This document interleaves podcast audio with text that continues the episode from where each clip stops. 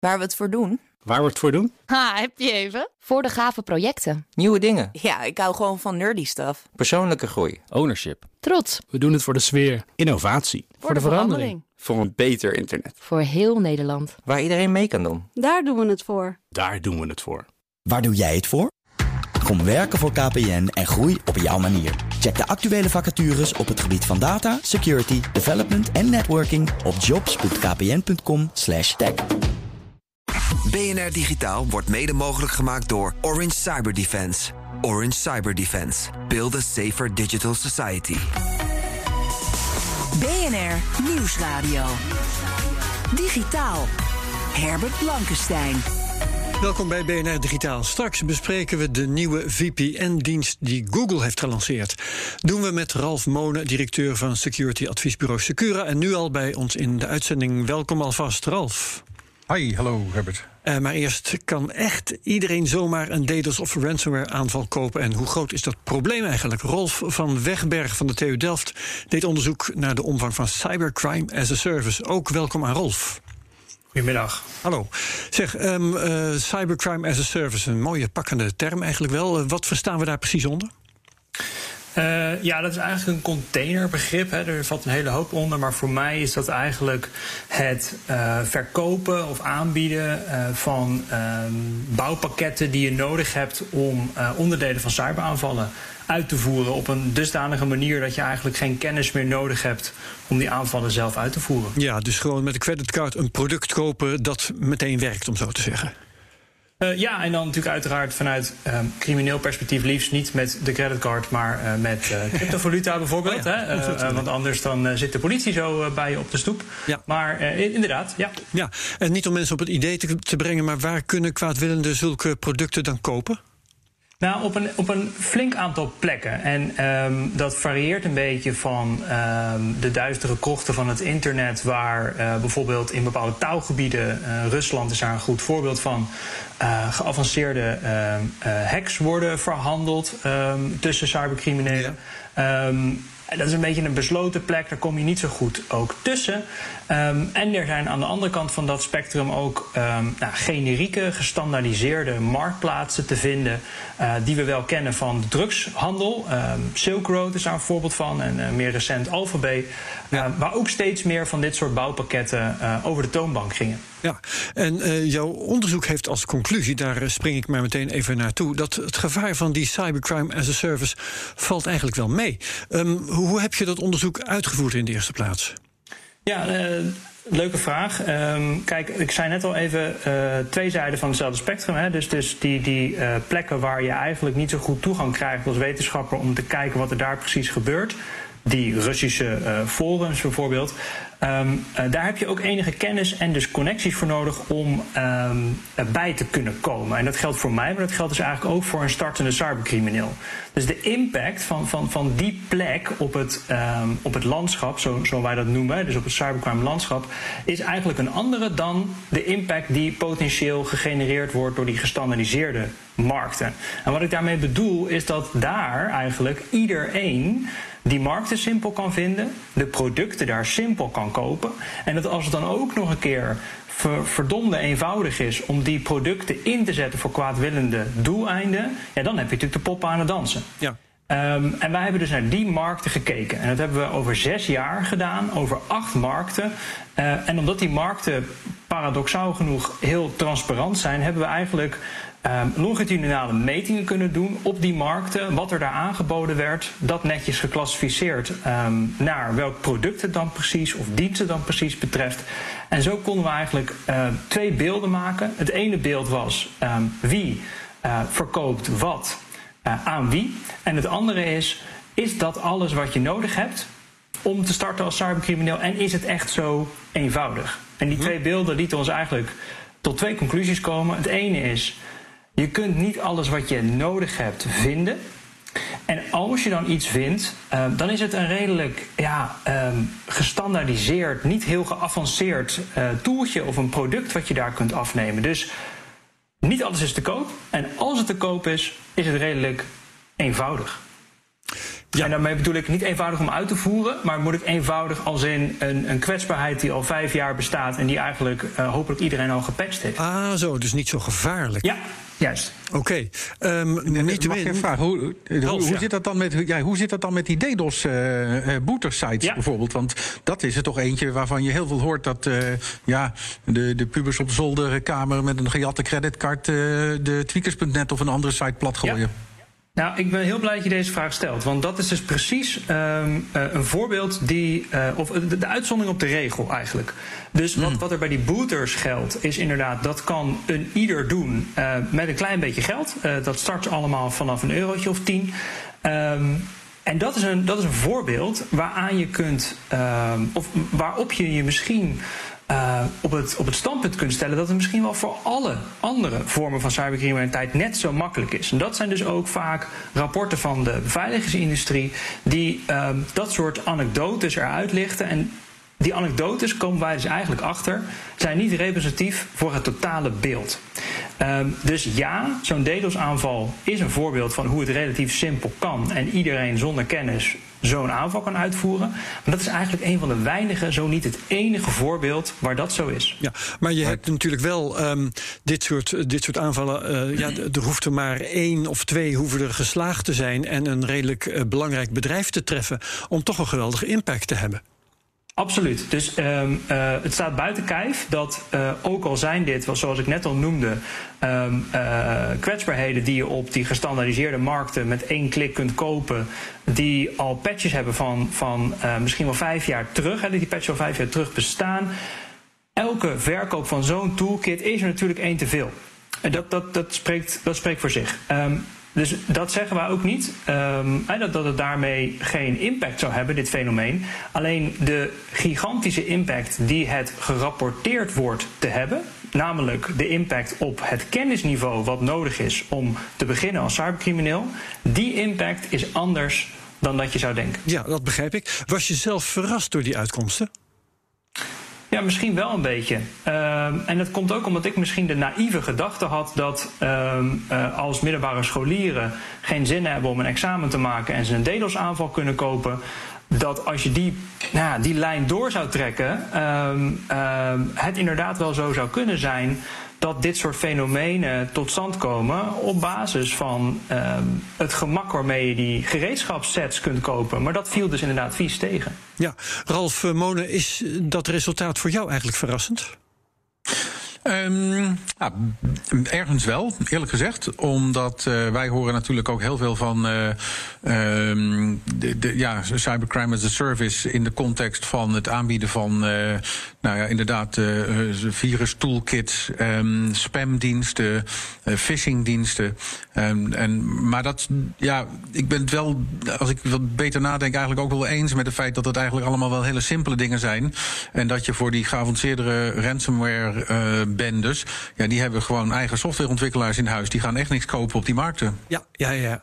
Oké. Mag ik daar misschien op inhaken? Want dat is dus exact het voorbeeld wat ik eigenlijk wilde gaan geven. Dus dank voor dit voorzetje. Um, er wordt heel veel gerapporteerd dus over ransomware als aantrekkelijk verdienmodel. En dat zou eigenlijk moeten leiden tot een, tot een toename van ransomware die van de plank af gekocht wordt. En daarmee bedoel ik dus die op die markten beschikbaar zijn en die dus aan elkaar gereigd worden, die pakketjes, om zodoende succesvol te zijn met een ransomware campagne. Het tegendeel is echter waar. De meest succesvolle ransomware campagnes nu zijn inderdaad, zoals Ralf net terecht opmerkt, criminele groeperingen georganiseerd met hun eigen softwareontwikkelaars die niet op grote schaal aanvallen uitvoeren, die heel gericht met investeringen vooraf ziekenhuizen, universiteiten of andere partijen aanvallen en daar in één keer heel veel geld mee verdienen. Ja. ja, wel is het zo natuurlijk dat er een markt is voor die, um, het verkrijgen van die initiële toegang tot die, uh, tot die omgeving. Hè? Dus er zijn groepen die zich ja. toeleggen op het verkrijgen van om, toegang tot ziekenhuizen, tot universiteiten, tot bedrijven. En dat wordt wel verhandeld naar die ransomware gangs. Zeker, en dat is dus die, die, die omgeving waar ik um, uh, eigenlijk zelf als onderzoeker, en dat, dat geeft mij ook een bepaalde drempel alweer, zeg maar, waar ik zelf niet zo goed bij kan. Dat zegt eigenlijk al genoeg. Dat betekent namelijk dat als jij in die business start, dat je niet van kant-en-klare bouwpakketten kunt uitgaan. Je hoort veel over ehm, de rol van Nederland in de internationale cybercriminaliteit. Heeft met onze mooie infrastructuur te maken. Dan wordt er bijvoorbeeld veel kinderporno gehost. Uh, speelt dit probleem nog specifiek in Nederland? Nou, het probleem van die marktplaatsen um, wel. Want dat leunt inderdaad op, op soortgelijke uh, capaciteiten als uh, kinderpornonetwerken dat doen. Namelijk op de hosting van um, webservers bijvoorbeeld. Ja. Dus je ziet wel dat, dat Nederland daar um, misschien wel ook een klein beetje daardoor gemotiveerd een voortrekkersrol speelt op het aanpakken van dat soort platforms en marktplaatsen. Dat klopt. Oké, en moet Nederland dan nog speciaal zich inzetten om dit te bestrijden? Of is het de andere conclusie die je hebt getrokken, hè, dat, dat het, het probleem meevalt? Is het eigenlijk reden om het verder maar te laten liggen en liever andere dingen te bestrijden? Nou, ik denk dat de Nederlandse aanpak zich, zich kenschetst door twee dingen. Eén is um, het zich niet laat afleiden door uh, snelle klappen gauw thuis uh, acties. Hè? Want uh, elke cyberaanval die een klein beetje houtje touwtje in elkaar zit, zou je bij wijze van spreken kunnen opvolgen en daar iemand voor van zijn bed lichten. Nou, dan heb je weer een boef gevangen en dat telt goed mee in de statistiekjes. Ja. En dan heb je misschien je doel wel gehaald. Dat doet Nederland niet zo. Um, waar zij eerder naar kijken zijn op welke plekken kunnen wij impact creëren buiten simpele optelsommen van gevangen boefjes. Uh, en dan heb ik het bijvoorbeeld over uh, bulletproof hosting providers die worden opgerold, waar niet eens per se mensen voor worden opgepakt, maar waar wel een heel netwerk wordt opmanteld. Dat zijn hosting providers die, die zich specialiseren in, ik zal maar zeggen, criminele toepassingen. Ja, sorry, ja, dank voor de ondertiteling. Um, facilitators zijn eigenlijk van een heel groot belang voor zowel uh, de Nederlandse opsporingstactiek als voor uh, criminelen zelf. Dus de impact van het oprollen van één zo'n provider heeft eigenlijk veel meer impact dan het vangen van één boefje. Oké, okay. hartelijk bedankt voor eh, de toelichting, Rolf van Wegberg van de TU Delft. En gefeliciteerd met het proefschrift trouwens. Blijf erbij, want we gaan zo direct door met meer security. Digitaal. Want je online activiteiten versleutelen en verbergen, dat kan nu ook bij Google. Met de nieuwe dienst VPN by Google One gaan we over praten met Ralf Monen, die je al hebt kunnen horen, directeur van security adviesbureau Secura. Uh, Ralf, eerst nog eventjes voor wie het niet weet, wat doet een VPN ongeveer? Wat heb je eraan?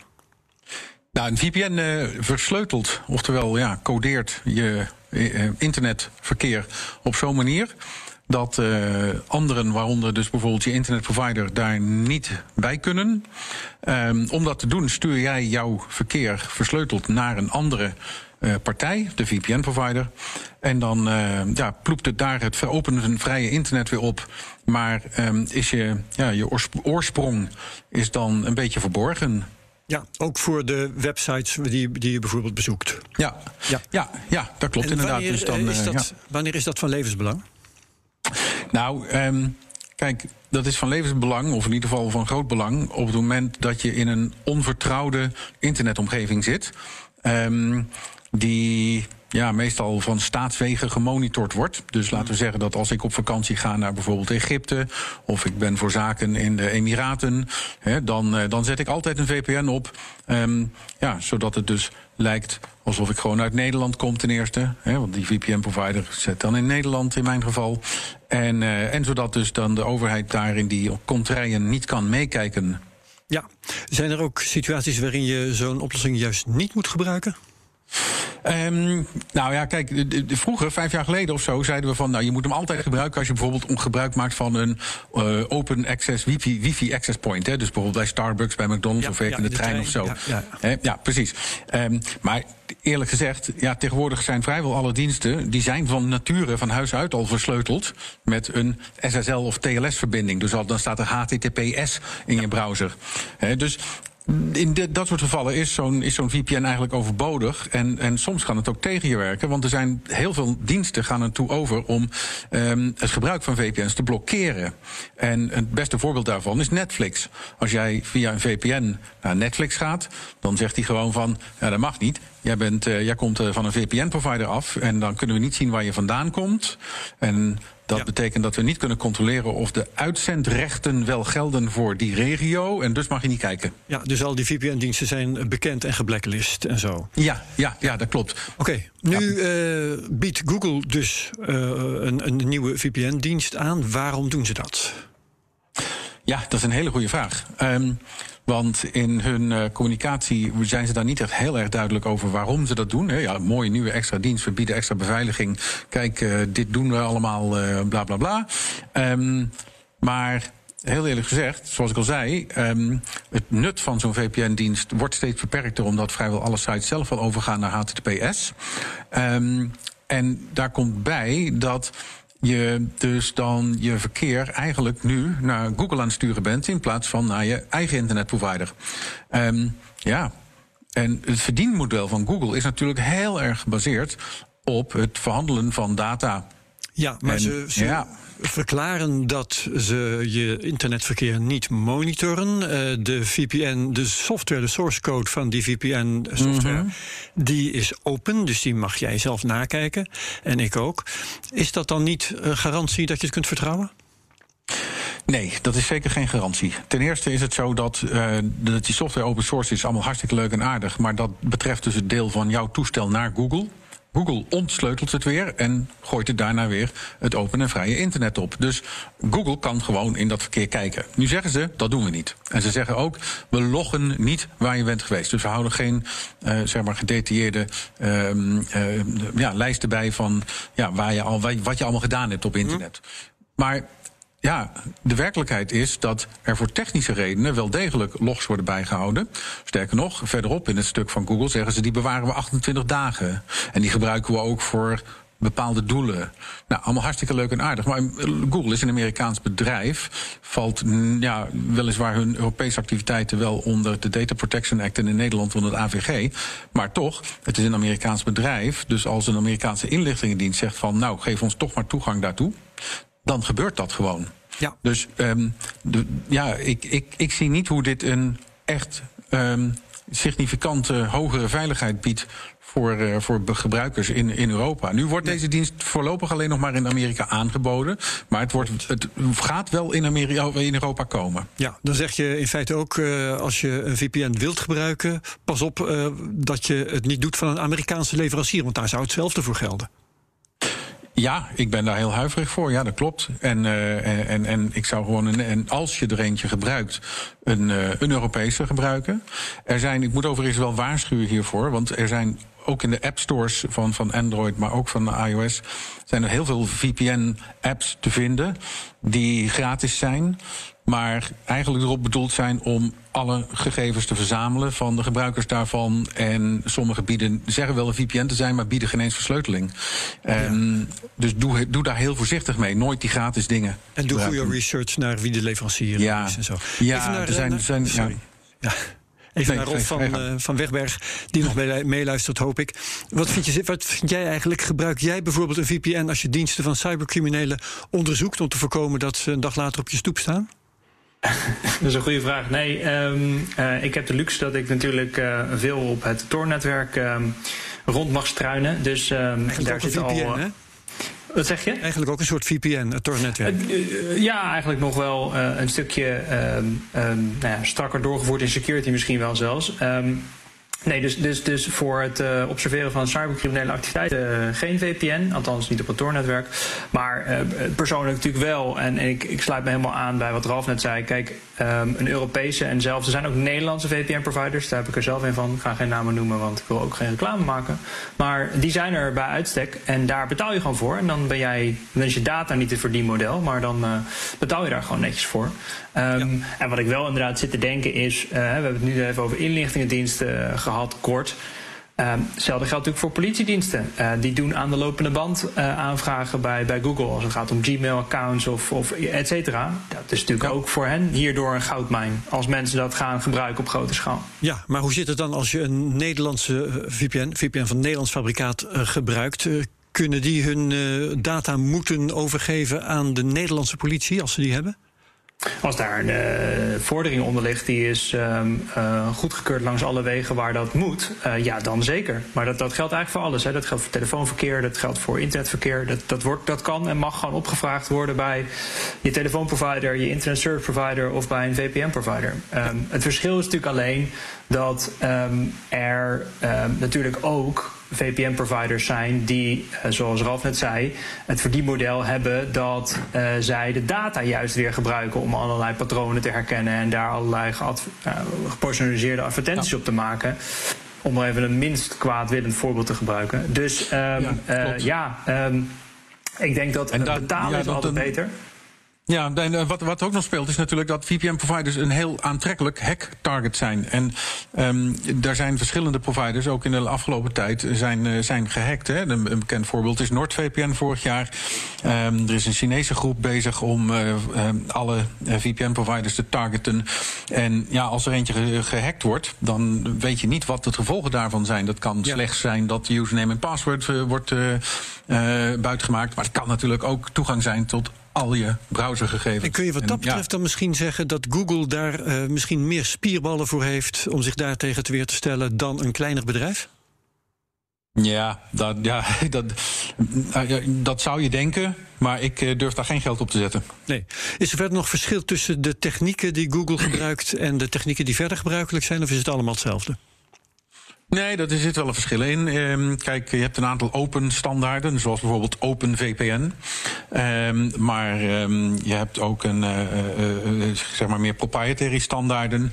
Uh, die van Google, die ze nu hebben uitgerold, die, dat is zo'n proprietary standaard. Al hebben ze hem wel open source gemaakt. Dus je kan kijken hoe het werkt. Ik heb ook begrepen dat ze dat weer gaan vervangen door meer open standaarden op termijn. Dus het is eigenlijk een beetje de vraag waarom hebben ze dat niet gelijk gedaan. want ja, waarom zou je iets nieuws verzinnen, zelf verzinnen, als er al hele goede alternatieven bestaan? Ja. Uh, daar, ja, daar, heb ik, uh, daar heb ik eigenlijk geen goed antwoord op gevonden van Google. Oké, okay. um, je noemde al dat uh, diensten als Netflix soms VPN's blokkeren. Um, ja. Gaan VPN's in, in de toekomst belangrijk blijven als dit steeds meer gebeurt?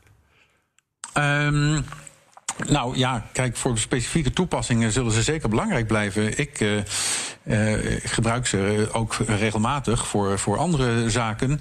Um, als ik niet wil dat mijn IP-adres um, bij de um, sites die ik bezoek direct in de los terechtkomt. Ja. En zoals ik het net al zei, als ik in bepaalde landen ben, gebruik ik het ook zeker. Um, dat heeft er ook weer over toegeleid dat sommige landen VPN-gebruik blokkeren. Hè? Um, ja. China is daarvan het beste voorbeeld natuurlijk. Dus de Great Chinese Firewall. Ja, en uh, als je daar probeert om een VPN op te zetten, dan uh, zul je zien dat het heel eventjes werkt en dan een uurtje later weg is. Okay. Want uh, ze hebben een zelflerend systeem die ziet of jij een VPN gebruikt. Prima. Uh, hartelijk dank, Ralf Monen van Secura. En ook nogmaals aan Rolf van Wegberg van de TU Delft. Je kunt BNR digitaal terugluisteren via bnr.nl, onze app... of waar je ook maar naar je podcast luistert. En dan vind je ook mijn andere podcast, de Cryptocast, de Technoloog en Space Cowboys. Veel plezier daarmee. En wat BNR digitaal betreft, graag tot volgende week. Dag. BNR Digitaal wordt mede mogelijk gemaakt door Orange Cyber Defense. Orange Cyber Defense. Build a safer digital society.